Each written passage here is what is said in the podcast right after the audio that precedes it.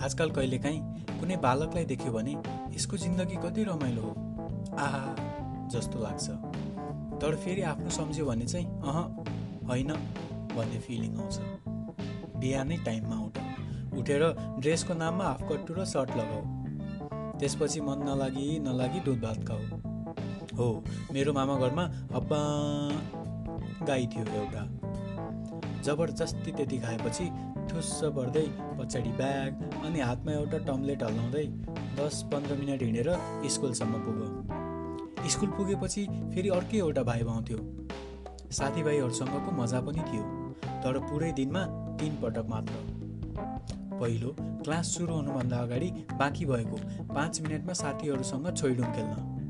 कोही चाहिँ चुङ्गी पनि खेल्थे तर मलाई चाहिँ कहिल्यै खेल्न आएन त्यो कालो कुजुल्टेको डल्लो। दोस्रो हाफ टाइममा अनि तेस्रो स्कुलको पहिलो गोलो ठुलो पित्तलको घन्टीमा ट्याङ ट्याङ आवाज सुन्न सा। मेरो गाउँले स्कुलमा त्यति बेलाको मजा यही थियो। सन्तान थडी थडीका भने जस्तै त्यो स्कुलमा सरहरू पनि थडी थडीका हुनुहुन्थ्यो। रिस्पेक्ट है सुरुमा चाहिँ थे भनौँ कि जस्तो लागेको थियो पछि फेरि ठिकै छ मरि लानु के छ जस्तो लाग्यो।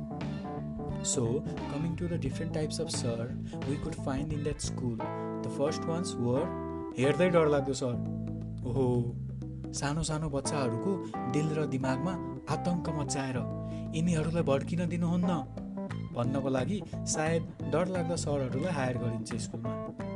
डरलाग्दो सरको एक नजर काफी हुन्छ स्कुलमा चकचक गर्नभन्दा अगाडि दस पटक सोच्न।